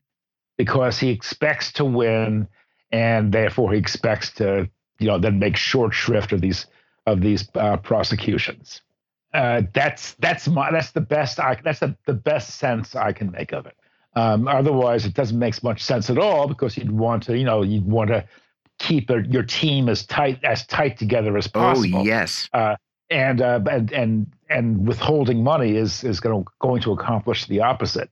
So I can only imagine that's that Trump uh, Trump feels that there's no there's no danger of the trials occurring before November 2024, and therefore this is all irrelevant. And by the way, the, the New York Times a few days ago quoted uh, Michael B. Mukasey, a former uh, U.S. Attorney yeah, General, yeah. and uh, federal I, judge, Manhattan federal judge, and he said, "quote I think the odds are slim to none that any of them, the four trials, will go to trial before the election." Wow, and he would know, having been a federal judge. Yeah, I mean, yeah, I mean, I, I, I defer to his expertise. Yeah. So, uh, so, so therefore, uh, I think that Trump assumes the same, and that you know, over for the next for the next 15 months, we're going to be plastered. You know, we're going to be hit with one with one trial story after another. This development, that development, this this stunning new piece of evidence, that stunning new piece of evidence. Oh yeah, we'll be bombarded. The walls are closing in. The walls are closing in. The walls are closing in. And I think Trump is, is adopting a strategy of ignoring all that or Mhm. turning it to his advantage because he feels the the, the trials simply are not going to take place in time. That they uh, that, in a sense, the Democratic strategy is backfiring because I think Trump essentially is a is is is benefiting. I mean, there's there's little chance of him big actually going to trial before the election, and he's therefore able to take to take you know take maximum advantage Yeah. of of what is clearly a full court Democratic Party uh, legal attack. You know, for me personally, I think I'm going to wait for the fat lady to sing because it's impossible to know what is going to happen in a trial. And it's doubly impossible to know what's going to happen in a trial when Donald Trump is involved. We, we need to just wait. I, I agree with you totally. So there's there's a, an issue with Mark Meadows that nobody's really talking about. Mark Meadows is turning himself in tomorrow. He asked Trump for money for his own uh, legal fees. Trump told him to go fly a kite. And now a top aide to Mike Pence is saying that the whole fake electors thing was all Meadows' idea. That Trump did not come up with this. This was Meadows who came up with it. What do you think we should make of that? If that if that's true, Meadows is particularly vulnerable on this charge. He is vulnerable this charge, but the charge itself, but you know, do you follow Byron York's work? I don't know. I think Oh, sure. is a, a, a conservative journalist Yeah. who actually I think is pretty smart. He is he is smart. Yes, and and, and he argues that the, the legal case on the on the false electors uh, issue is not is less than clear cut because they had a a lawsuit pending, they were facing a deadline, and therefore they felt that they should put up their own electors to satisfy the letter of the law in case their lawsuit prevailed in court. Now, I, I- think I think one of the one of the issues that's been ignored in January 6th, which I think is all important, is the the vagueness of the federal law, which made this whole incident possible. This I'm not and I'm not trying to get Trump off the hook. I think that Trump was, you know, Trump clearly tried to mount a a, a coup d'état, an anti-democratic coup d'état, but he was able to because the law itself was so vague, so contradictory. You know, you know, resting as it does on a on the Twelfth Amendment ratified in 1803, Right. and the uh, and and an election law passed in what was it, 1876 or 1878? Yes. Was it? Yeah, it was the aftermath of the 1876 presidential election. Precisely. And and and everyone knows these these these laws were totally flawed, which is why actually Congress recently passed a new law superseding them, supposedly tightening things up. So so I think the elect the, the, the false electors case, the, the the the prosecution on that issue may not be quite as clear cut. At least that's what the highly intelligent Byron York has argued. And uh, and to me, his arguments seems to be legally plausible. Dan Rudy Giuliani uh, flew to Atlanta late this morning in a private jet. He says he's broke, but he somehow can afford a private jet to get to Atlanta to turn himself in. So, like everybody else, according to the New York Times, he says he's broke and he's seeking financial assistance to pay his legal bills. A friend of mine who is a is a lifelong family friend of Rudy Giuliani says that he is asking literally everybody he knows for money. Everybody. But Giuliani can't flip on Trump just because he's Rudy Giuliani. He's America's mayor, right? To to become a rat, it's just not. It's just not in his nature. It seems to me. CNN has an opinion piece today saying that Giuliani is done permanently. He can't possibly come back from this. He's likely to end up in prison on exactly the same charge that he used years ago to break the back of the mafia in New York. That's a RICO charge. He's too old for a second act. He's indebted to everyone. He's already divorced four times. Do you agree with that assessment? It seems like such a sad and ignominious end to someone who, whether you liked him or not, was actually a pretty major figure in contemporary America. Oh, well, first of all, it, it, may not be true if Trump wins and Trump then pardons all his co-defendants. Good point. So number one, number two, I mean, I mean, I, I would, you know, the trouble with this, the the, the CNN op-ed, which I I, I read, uh, is that it um, it, it ignores how the whole world pumped up the Rudy Giuliani message. I mean, he was a hero. The New York Times put him on his front page. Yeah you know, time and again. When you know he he, he made a specialty yeah. out of you know when he arrested he when he arrested these uh these uh these Wall Street executives yeah. of marching in there, you know, you know, with you know with a press in tow into their corporate offices and doing the perp walk, you know, in the middle of these of of their offices where all their employees standing around. It was an, an attempt to clearly to humiliate and intimidate, and the press loved it the New York Times first and foremost. And then in the wake of 9 11, you know, I mean, the celebration of of, of, of Giuliani went through the roof. Mm-hmm. Uh, so you know, so so Giuliani, you know, I I I, would feel I I, I would I is that others contributed to this legend. He didn't create this legend himself. I mean, others actively participated, and I thought those those perp walks at the time that were completely disgusting and a clear prosecutorial abuse. Yeah. But the New York Times loved it, just loved it, couldn't get enough of it. Um, and so, you know, so I think that's that that's really that's what's really coming home to roost, in yeah. my opinion. Uh, you know, and by the way, they, they they did the same thing with Donald Trump. The press loved him. Do you know that Donald Trump was on the Letterman show something like 35 times? Oh, I believe that. How many times was he on Saturday Night Live dancing like a like a fool? Yeah, the thing that the thing that the media loved this guy. They did. They loved him. They created him. They loved him. They created him. So you know, so so and suddenly, you know, suddenly they they create this monster. And they and they don't criticize themselves. You know, I've never seen David Letterman's you know issue a mea culpa yep. for his role in and and and pumping up the Trump the Trump uh, legend. So you know, so so they're always innocent. CNN is always innocent. Always. You know, uh, NBC. You know, don't blame us. We're completely innocent. You know, the uh, democracy dies in darkness, and uh, you know, it's it's just so self-serving and corrupt. It just drives me insane. Yeah, I think that's right. I, will add too. You know, I've said before. My my best friend is uh, it, my, even my my college roommate um, was a judge in New York City for thirty years, and uh, he always said that, facetiously, of course, that Giuliani became a hero in New York after 9 11 because he went to every police and fireman funeral. That's it wasn't that brave to go to every funeral. America's mayor. Let's celebrate him. Better yet, let's make him president of the United States. Okay.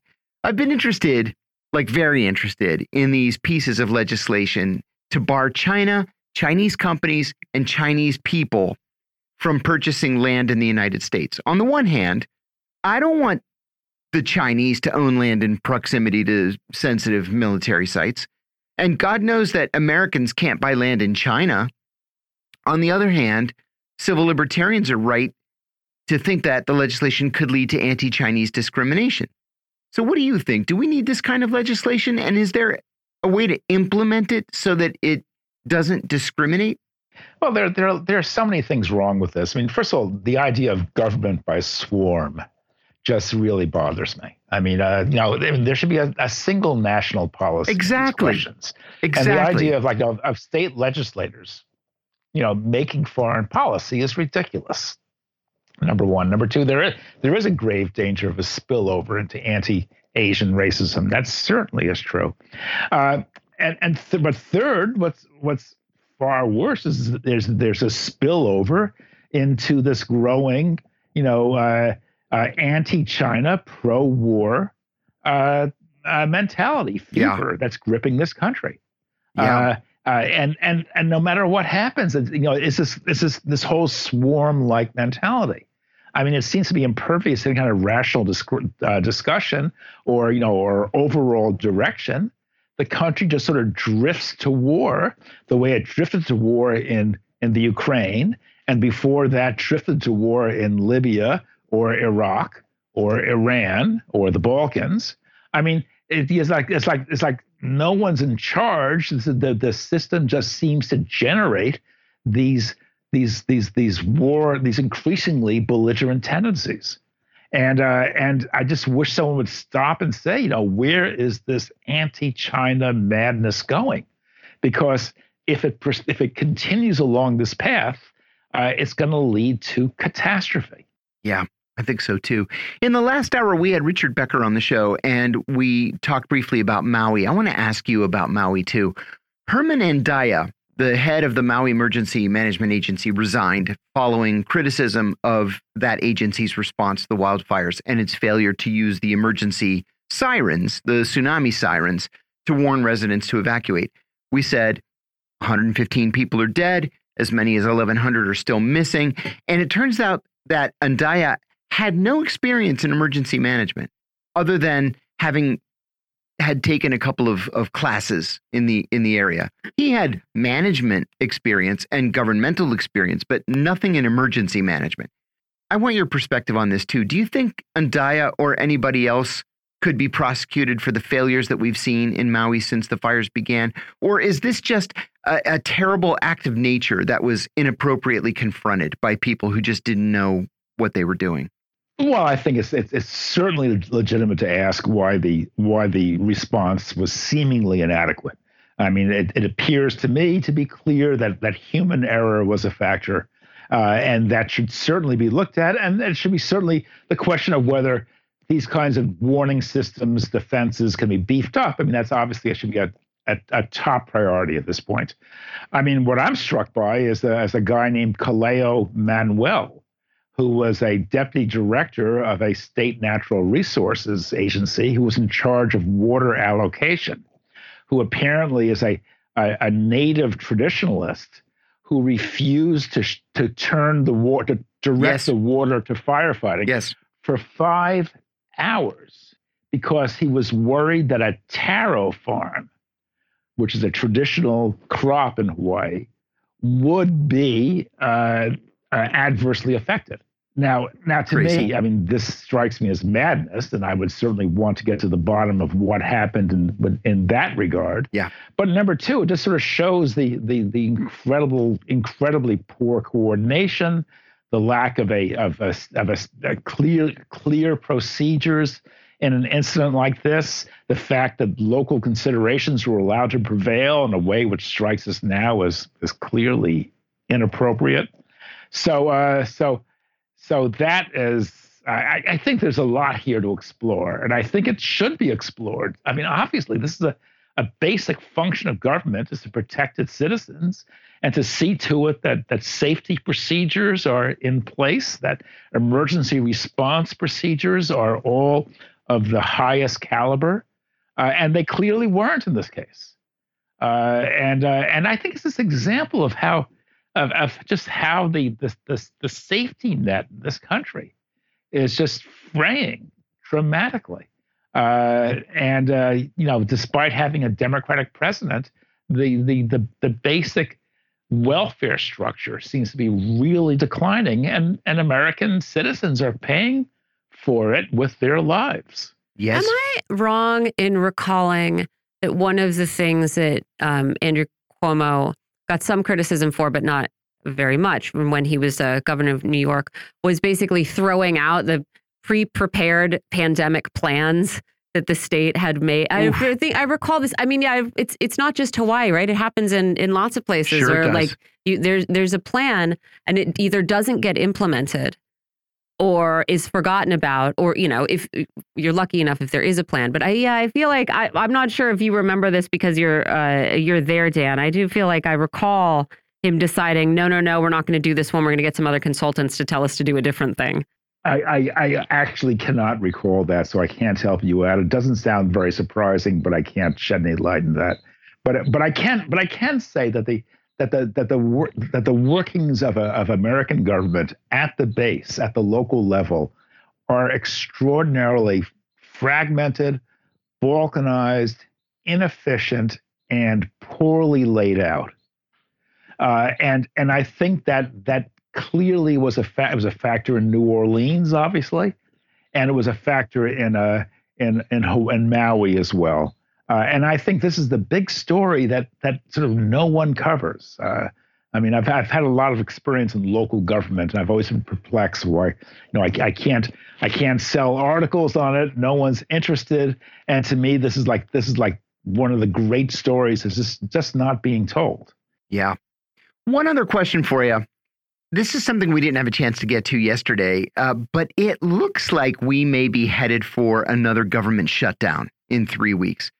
Uh, Kevin McCarthy, the Speaker of the House, wants a short term continuing resolution, something in on the order of a week or two, uh, to keep the government operating until a longer term deal can be negotiated. But the House Freedom Caucus says no way. The speculation in Politico and The Hill yesterday and today is that McCarthy is going to have to join with Democrats to get something passed. That would actually be pretty easy.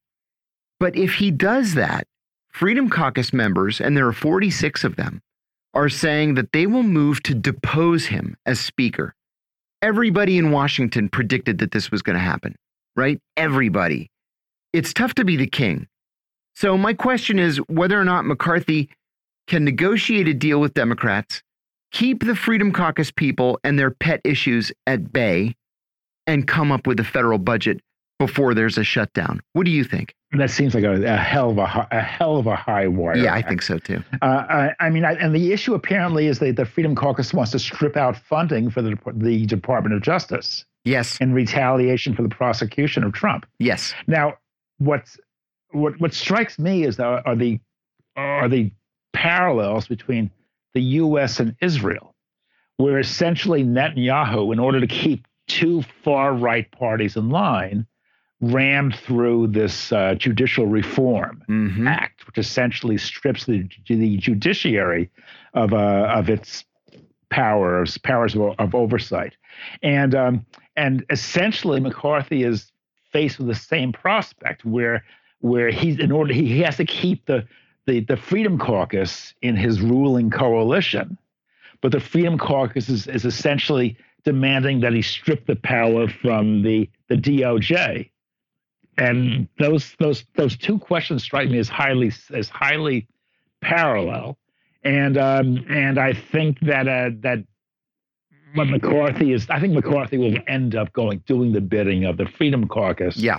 Uh, and uh, because I think they've got the numbers, he won't disturb the coalition that he's that he has worked out with the Freedom Caucus. Right. And so that so therefore the Freedom Caucus will essentially steer him to a showdown just as the two far right uh, parties in Netanyahu's coalition have steered him to a showdown. And McCarthy knows that everything that the Freedom Caucus puts into that bill is either going to be stripped out in conference committee because the Senate's not going to not going to mirror that bill or it'll be vetoed by Joe Biden if on the off chance it makes it through conference and and is approved by the Senate, which it won't be. So I think you're right. I think he caves to the Freedom Caucus, passes it in the House, knowing it's going to be stripped out in in conference committee, and then just declares victory and moves on. Except that there could be a government shut shutdown. Yes. As a consequence. Yes, indeed. And and and then and then if the government shuts down, then then McCarthy's in a real pickle. This is not really clear what he'll be able to do. To, yeah. to do. So, uh, so um, you know, the, the, the the system could be heading for another another collapse. You know, uh, you know, nine times out of ten, these these these the not you know chances are maybe eighty percent, ninety percent of won't occur. Some last minute deal will be will be worked out. You know, at the you know worked out, but nonetheless, there is certainly a possibility of a systemic seizure. Yes in which the machinery simply comes to a grinding halt because it's just overloaded and I can't respond. That's right. Dan Lazare, thanks for joining us. Dan is a journalist and writer. And our next guest is on the line. Yes. And I want to talk about childcare a little bit more and talk about COVID. We're joined by Margaret Flowers. She's a medical doctor. She's also co director of Popular Resistance, and she's a member of the steering committee of HOPE, Health Over Profit, which is an organization that works to achieve a national improved Medicare for all healthcare system. Thanks for joining us, Margaret. Oh, thank you for inviting me. It's great to be with you. So, I mean, we've touched on this before, but I wanted to have a longer conversation about it because there have been so many headlines lately about childcare costs and the impact that they are having on society and on the labor market. Uh, the, the Wall Street Journal did a long piece about why you're seeing more babies at bars and restaurants and salons because people are trying to, you know, in some cases, make their kids fit into their lives rather than reshaping their entire lives after having kids. But also because it is too expensive to pay for a sitter. And uh, Politico is pointing out that things are probably about to get worse because COVID era emergency funding for childcare is about to dry up. And I want to start there with the, the cost because the limited supply and the cost of childcare in this country is keeping people out of the workforce, which is being discussed in numerous articles right now. And I frankly you know, I don't care if people don't work because they want to take care of their kids. I feel like parents actually ought to be able to make that choice. But staying home because you cannot afford childcare, as John and I were talking about earlier on the show, that is a different matter. And uh, I kind of want to ask how it is that it can be so expensive. Uh, this Wall Street Journal story from the other day said that wages and benefits are about 50 to 60% of overhead of the costs of, of running one of the, these businesses. Wages are on average $19 an hour, which is way below the average service sector wage. And a U.S. Treasury report found that the average family with at least one child under age five would have to devote about 13% of their family income to pay for childcare. That's 13% of your income to pay for care for one child. That is not something a lot of families can afford. There are, of course, government programs that are designed to make childcare more affordable. Fewer than 20% of children eligible for one of the largest assistance programs actually receives any funding. Um, but, you know, so so you have this situation where profit margins for these businesses are somehow really low, despite the really high um, uh, rates that they have to charge. So wages stay down, which means in turn, many childcare workers, again, this is according to the U.S. Treasury Department, not I hate America and like to complain.com. Uh, they pay some of these workers so little that they end up having to rely on public services for their own needs. So we're either subsidizing on the front end or we're subsidizing on the back end. And I wanted to ask, Margaret, have other countries figured out how to solve the uh, apparently extremely difficult problem of how people can have children and also go to work? Well, not only have other countries figured it out, but it used to be, if you flash back a while ago in the United States, that a family could have one parent who worked at a job that paid well enough that the other parent, if they wanted to, could stay home and take care of the children and they could still have a decent living. Uh, of course, now we're in a situation where people are really squeezed and some are working. You know, you have two parents sometimes working more than one job each to try to to you know, pay the high cost of healthcare, education, housing, food, transportation, all these things in the U.S. that are so costly. But if you compare to the United States to other countries, you see that other countries spend a higher proportion of their gross domestic product on subsidizing childcare for families because they recognize, you know, flash that parents, if you want them to work, have to have some way to have their children taken care of. We don't do that here in the U.S., as you mentioned. The uh, you know losing the the funding that was put in during COVID is going to worsen the problem uh, significantly. But the other thing that, you know, not only do other countries subsidize childcare for their families, but in some countries, particularly I think of Scandinavian countries, for the first few years of a child's life, a parent can take time off to raise that child. You know, for I think it's up to two years of life, and and parents can alternate. One parent can take some time off the other can go back to work and the other one takes time off. They really want to encourage bonding mm. with both parents and they get income support up to like 80% of what they were earning. So they really see this as an investment in families and workers and actually a necessity for raising healthy children that they have good quality care, whether it be from a parent or a child care provider that's you know that's paid adequately and treated well enough that they can provide well for the child they're caring for. One of the things that has been so frustrating to watch is uh, that we we saw this expansion of of different welfare programs during the pandemic that had really beneficial effects. Right, uh, the expansion of the child tax credit, uh, expanded unemployment insurance. We we saw. Oh look, it actually helped families it lifted families out of poverty right like people were better off and then they were spending their spending money on things they were paying off off debts like everybody was was financially and then presumably also uh, emotionally and psychically better off and we are just watching all of those programs dry up in a lot of cases without even much of a fight. And so the same thing is going to happen with this child care stabilization funding. Um, there's $4.1 billion left in one tranche of funds that states have until September 30th to spend. Uh, there's another 16 or 12 billion that uh, states have another year to spend. And a collection of lawmakers had been urging the White House to support a request for $16 billion more in emergency funding for child care uh, in its next budget request to Congress. The White House has not bothered. And so, you know, on one hand, it is very frustrating to I mean, I, I, don't know why this is emergency funding. The COVID uh, emergency is officially over. So I, I, don't know what justification they have for calling this an emergency. But what's more important is we saw what we were able to do with this emergency funding and the very good overall uh, impact it had. Why are we just letting that all go without a fight? Why has the White House not been able to convey this message that actually there is genuine economic and social benefit to keeping people out of poverty with this with these mechanisms and and allowing them uh, the sort of financial liberty to spend and contribute in their own communities, uh, why would we not say, well, what if we just continue doing these things instead of inevitably sort of meagerly subsidizing them on the back end and sort of uh, helping people to continue to keep body and soul together in poverty, but not helping you nearly enough to make you able to, you know, buy buy a trinket from the shop down the street. You know what I mean? And, and sort of spend in the way that keeps community economies going.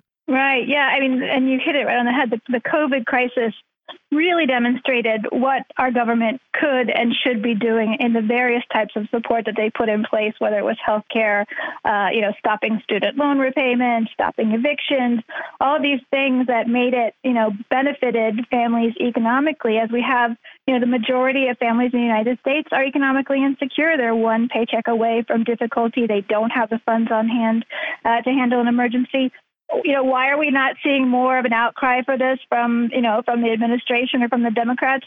It's because we have a political system that benefits the wealthy. I mean, we've seen we're seeing people being kicked off of Medicaid right now as a, a consequence of ending the, the public health emergency. Almost 4 million people so far have lost their Medicaid, and 74% of those people lost it because they weren't able to get the paperwork or get it in on time. So, um, you know, we have a system that's designed to make it difficult for people to get the assistance that they need, the little bit of assistance that's there. And we continually see that being, you know, chopped away and chopped away, um, which is hurting us. You know, as, as you say, when people are economically secure, they're more productive, they're healthier, you know, there's a lot of evidence to show this. Um, society benefits overall, but we are a system that benefits for the wealthy. And for the wealthy, it's, you know, taking as much as you can get, privatizing everything, uh, exploiting workers, you know, as much as you can. Um, this is, you know, this is something that, that has to be changed. And it's, you know, it's both parties that are uh, responsible for this. It feels like also even the ways in which uh, the government attempts to help people are also helping the wealthy. Because the other thing that's happening is that, uh, you know, states are trying to boost childcare options. And some of the things that they are doing is giving grants to businesses to offer childcare slots to their staff. They're getting uh, education students at universities to work in uh, different daycare options, getting hands-on experience working with kids. Uh, they're they're trying to facilitate these public-private partnerships, which is all sort of fine, except again, didn't we learn during the pandemic that the thing that works best is just to give this money to people in one way or another? I mean, right now, all the headlines are about enormous fraud within the Paycheck Protection Program, which I'm sure was whatever on some levels well meaning, right?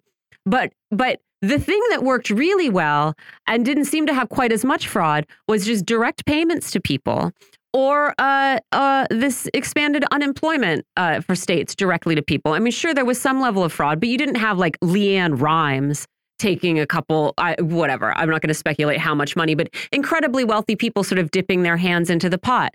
Why are we giving a grant to a business who can then maybe char uh, uh, offer a lower salary because they've got this great benefits package? It's been subsidized uh, by the public uh, why not just give this money to parents or publicly fund childcare options? You know, it just sort of seems like every way, even the ways in which the U.S. says it is going to help parents or help the poor, involves somebody else getting to stick their hand in along the way.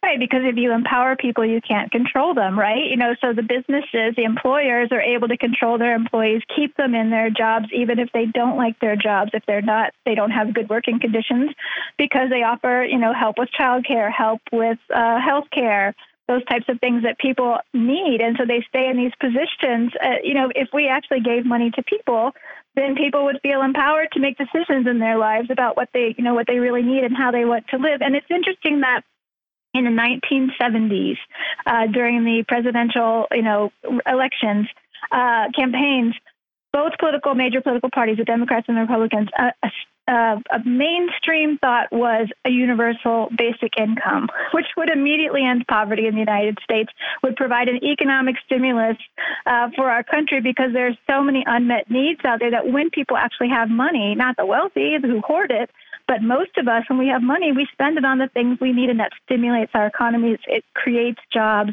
uh, makes people, you know, have a better quality of life. But that's not what this system is really about, unfortunately.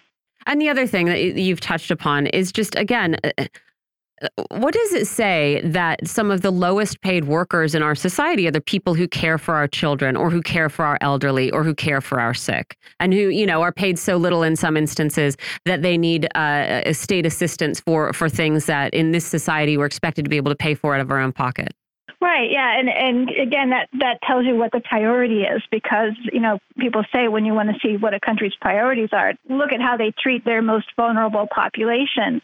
And so whether it's child care or, as you said, home care or elderly care, you know, to get long-term care in the United States, you basically have to give up all of your assets and put yourself into poverty to qualify for long-term care and and and this is what's considered i guess a disposable population in the united states by the people who are in in power uh, we, you know, the answers are there. We're seeing, you know, Massachusetts just passed a wealth tax, and they're actually going to be using the proceeds from that to pay for free universal school lunches, childcare, uh, college education, investments in infrastructure.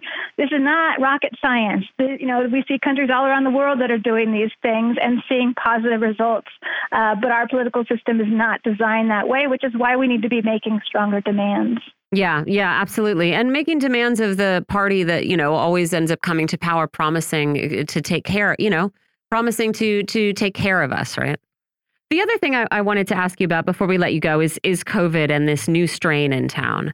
Uh, hospitalizations have been increasing around the country. They rose by two thirds since June, according to Axios. The CDC says there was a 20% uh, increase in, uh, you know, between the end of July and the end of the first week in August. However, we remain, you know, very far off figures even from last year. And as I understand it, even though hospitalizations are increasing, deaths are still declining. So we are, at least according to uh, my understanding, we're very far from the numbers that we were seeing when uh, lockdowns and mask mandates were imposed. And so I wonder if you think there is any reason to be particularly concerned about this new strain or these figures and whether uh, there is any indication that we will see social restrictions imposed again. Right. Well, I guess in terms of the amount of concern that we should have, there's a number of variants that are circulating uh, that you know are rising in, in proportion to the population. As you said, it, the number of cases is, is, increasing. Now, deaths typically lag by several weeks, so we may see you know in a month uh, an increasing number of deaths. Uh, there's a lot less reporting right now, but looking at wastewater data, mm-hmm. the uh, percentage of COVID in the wastewater doubled between the July 1st and the middle of August. So that's you know something to be concerned about. Whenever you're allowing a virus to circulate in the population, you have the risk of new variants, and you never know what those variants are going to do. And, and we could hit another variant that's hyper-infectious or very severe. We don't we don't know if that's going to happen. But now we've ended the emergency, right. uh, so it's going to be harder to, to track and take care of that. Um, so really, a lot is is unknown right now. But what we do know is that the United States is not putting the structures in place to make sure they're protecting the population. And to that measure, I don't think we're going to see another lockdown because even when we were having a really serious uh, rise in cases under the Biden administration, when Biden first came into power, I think it was one of his COVID task force docs said, you know, what we really need to do is put in place these serious measures, and, and Biden basically kicked him off the task force. So mm-hmm. uh, we're going to see more and more pushing people to get vaccinated, which is one tool, but not sufficient to protect everyone. Uh, but now people are going to be urged to get vaccinated, and they're not going to have the structure in place to get those vaccines to people. Or uh, now people are also going to have to pay for those out of pocket where they were free before. So I think there's a lot of unknowns coming up, um, and we're just going to have to watch and see, you know, what happens in the coming months. Margaret Flowers, thank you so much for joining us. Really appreciate it. Um, tell our listeners where they can find more uh, from Popular Resistance or about Hope. Sure, thank you. Yeah, so Popular Resistance is popularresistance.org. If you go to that website, you can sign up for the free daily digest, and uh, there are links to the various campaigns that we participate in at the website, popularresistance.org. Thank you so much. I just honestly, I cannot get over how expensive it is to have a kid in this country. It's outrageous. And then everyone's like, "Oh, why is it Gen Z doesn't want to, you know, yeah, you don't want to have children? Why do you yeah. have children? You just want to be an adolescent for your whole life." I yep. mean, maybe, but what if there was another option?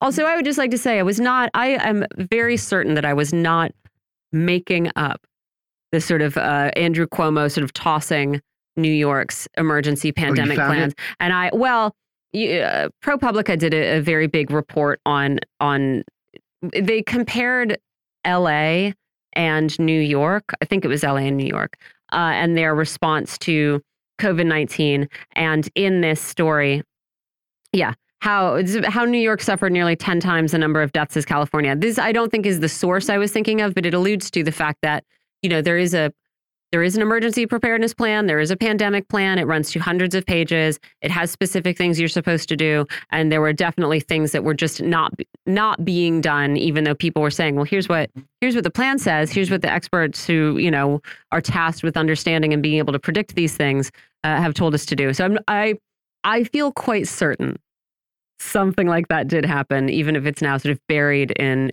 in long past Google mm -hmm. results. Yeah.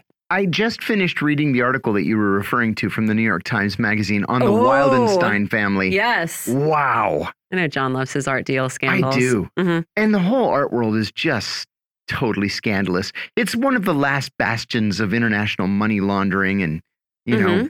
people bidding on their own paintings to drive the prices up mm -hmm. and then keeping everything else off the market. Mm -hmm. It's just incredible to me. And also, I think there was a line in it that uh, referenced one of my, like, the thing that I always want to talk about that we uh, sometimes can um, have a hard time find, finding experts to talk about, which is how the rules governing international trade, how opaque they are, mm -hmm. how much they sort of facilitate wrongdoing by the wealthy, right. and how they are exploited to, to do things exactly like this. And so we constantly, we're operating in, or at least in the United States, right? We're operating in this sort of media environment that takes for granted that international trade is fair and, uh, you know, things like um, free trade agreements or whatever are good and countries are all playing on an even playing field and institutions like the World Trade Organization or whatever make that even playing field. Right. And so if if some countries are poor and some countries are rich, well maybe those guys just don't know how to play very well. And I think it's really important to challenge that and when you challenge it to to do it as specifically as possible, right? Yeah. What are the meetings that some countries are allowed to that other countries aren't allowed to Right. enter and what gets decided in those meetings, right? What are the actual rules rather than going, oh, the system is rigged, it's not fair. That might be true, but it's not particularly enlightening, Right. you know? And so, yeah, and, and this story alludes to how, uh, you know, i- exactly this system of international trade has allowed this, like a dynastic tax fraud uh, uh, assemblage, right? Edifice. Oh yeah. Well, in this- Allegedly, in this, right? article, when when the patriarch of the family died, uh, his sons told his widow, "Well, he's broke." Okay, what does broke mean? Uh, broke means he only left 46 million euros. Right. And the judge is like, "That's not what broke means. Let's take a look at this." Eh, okay, it turns out he left 68 billion euros. hmm Another story that we didn't get to today is um, Hunter Biden. The Wall Street Journal has uh, has done a, a deep-ish dive on some of Hunter Biden's many um, foreign business deals, Mhm.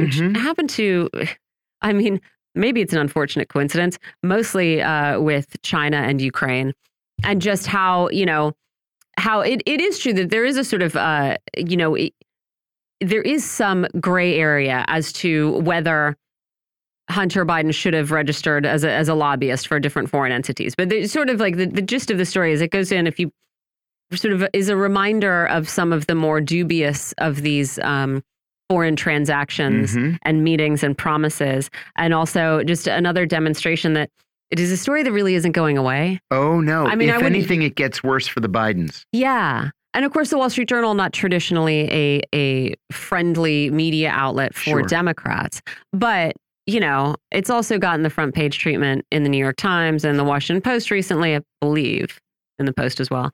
And so, yeah, this is a story that is not going away. And I do think people are going to sort of have their eyes raised at, at, at where some of this funding was coming from. Yeah. In the meantime, of course, today you did have the New York Times saying, like, well, but what about Donald Trump's foreign dealings? Right. Which, sure, I guess are relevant from when he was president sure. and since his president. And among, hi- I guess, like I think we should be taking a look at at uh, Jared Kushner. hmm yeah, but like not the same No, as not the uh, uh, same. coming into business while No. your father was a senator No, and then expanding that while your peddling. father. Yeah, I mean, come on, of course it is, Mhm. right? And again, as as sort of uh, similar to what Dan Lazare was was saying, right? Like some of this, some of this is allowed to flourish because we don't have specific enough statements and regulations as to what's allowable and what isn't That's right. allowable. And That's we, right. you know, You know, it's funny for a the little guy. The the rules are crystal clear. When I was on Capitol Hill, you could not accept anything worth more than twenty five dollars. And so I always, always paid for my own lunch when I would go to lunch with people. Um, never accepted anything from anyone. Never accepted a trip. The Israeli government offered to fly all of us to Israel to look to see, you know, how great it was. I declined. But you know, when you're at the top of the heap like that, and speaking of being at the top of the heap, what in the world was in Jair Bolsonaro's mind? Oh, tell me the story. I saw this headline. I don't know any of the story. So when Jair Bolsonaro was the president of um, of Brazil, he was given a gift by the Saudi king of a uh, of a diamond studded Patek Philippe watch, which is one of the finest watches Right. in the world, right? Vacheron Constantin, Patek Philippe, these are the the top of the top. Somehow this watch ended up for sale in a jewelry store in Willow Grove, Pennsylvania What? at the mall. Was it engraved like to my friend Oh, yeah, it was, or free- it was, the, it was uh, a, a presidential watch. wow. Well, it turns out Bolsonaro just kind of, you know, pawned it, for lack of a better word. And it was worth, I think they said it was worth, He's like sold it? Really? yeah, he sold it. He sold it and pocketed the money. oh my God. Let's see what it was worth. What I've a got the- cheapskate. It was worth $68,000. At least what he got Let's for it was medical bills are 68000 probably pretty cash outrageous. At the Willow Grove Mall in Willow Grove, Pennsylvania. he sold it there. He No, sold it. He didn't go to Pennsylvania and see Well, it. you know, there were pictures of him at the Safeway doing his grocery shopping, In and Pennsylvania? and when was Bolsonaro in Pennsylvania? he was going back and forth with Miami. There were pictures Oh. of him sitting in the uh, what's the chicken place? Uh, the one that doesn't open on Sundays. I don't know, Brother's Chicken. No, no, no. The one Oh, oh, yeah, yeah, yeah. Not gives you- Popeyes, but the give other one. pickle. Yeah, yeah. Chick Fil A. Yeah, Chick Fil A. He's just sitting there eating his Chick Fil A. Right. And in the meantime, he's he's walking around the mall to sell a sixty-eight thousand dollar Patek Philippe. I'm Diamond- surprised somebody at the, you know, like a regional Pennsylvania mall Yeah. has that kind of money to buy it Yeah. and thinks they're going to resell it. I guess I mean, for a lot more than sixty-eight thousand. The interesting thing is, you know, he's been accused of all kinds of different uh, different crimes related to his reelection uh, bid. They're saying this is the one that they can get him on, and this comes with a penalty of up to twelve years in prison. That would be. I would enjoy that very much. I would. Best of luck to you. That would be a lot of fun. Yeah, the and greed. then Emu gets him. That's all we got time for today, folks. We'll have lots more for you tomorrow. Thanks for listening, everybody. Bye.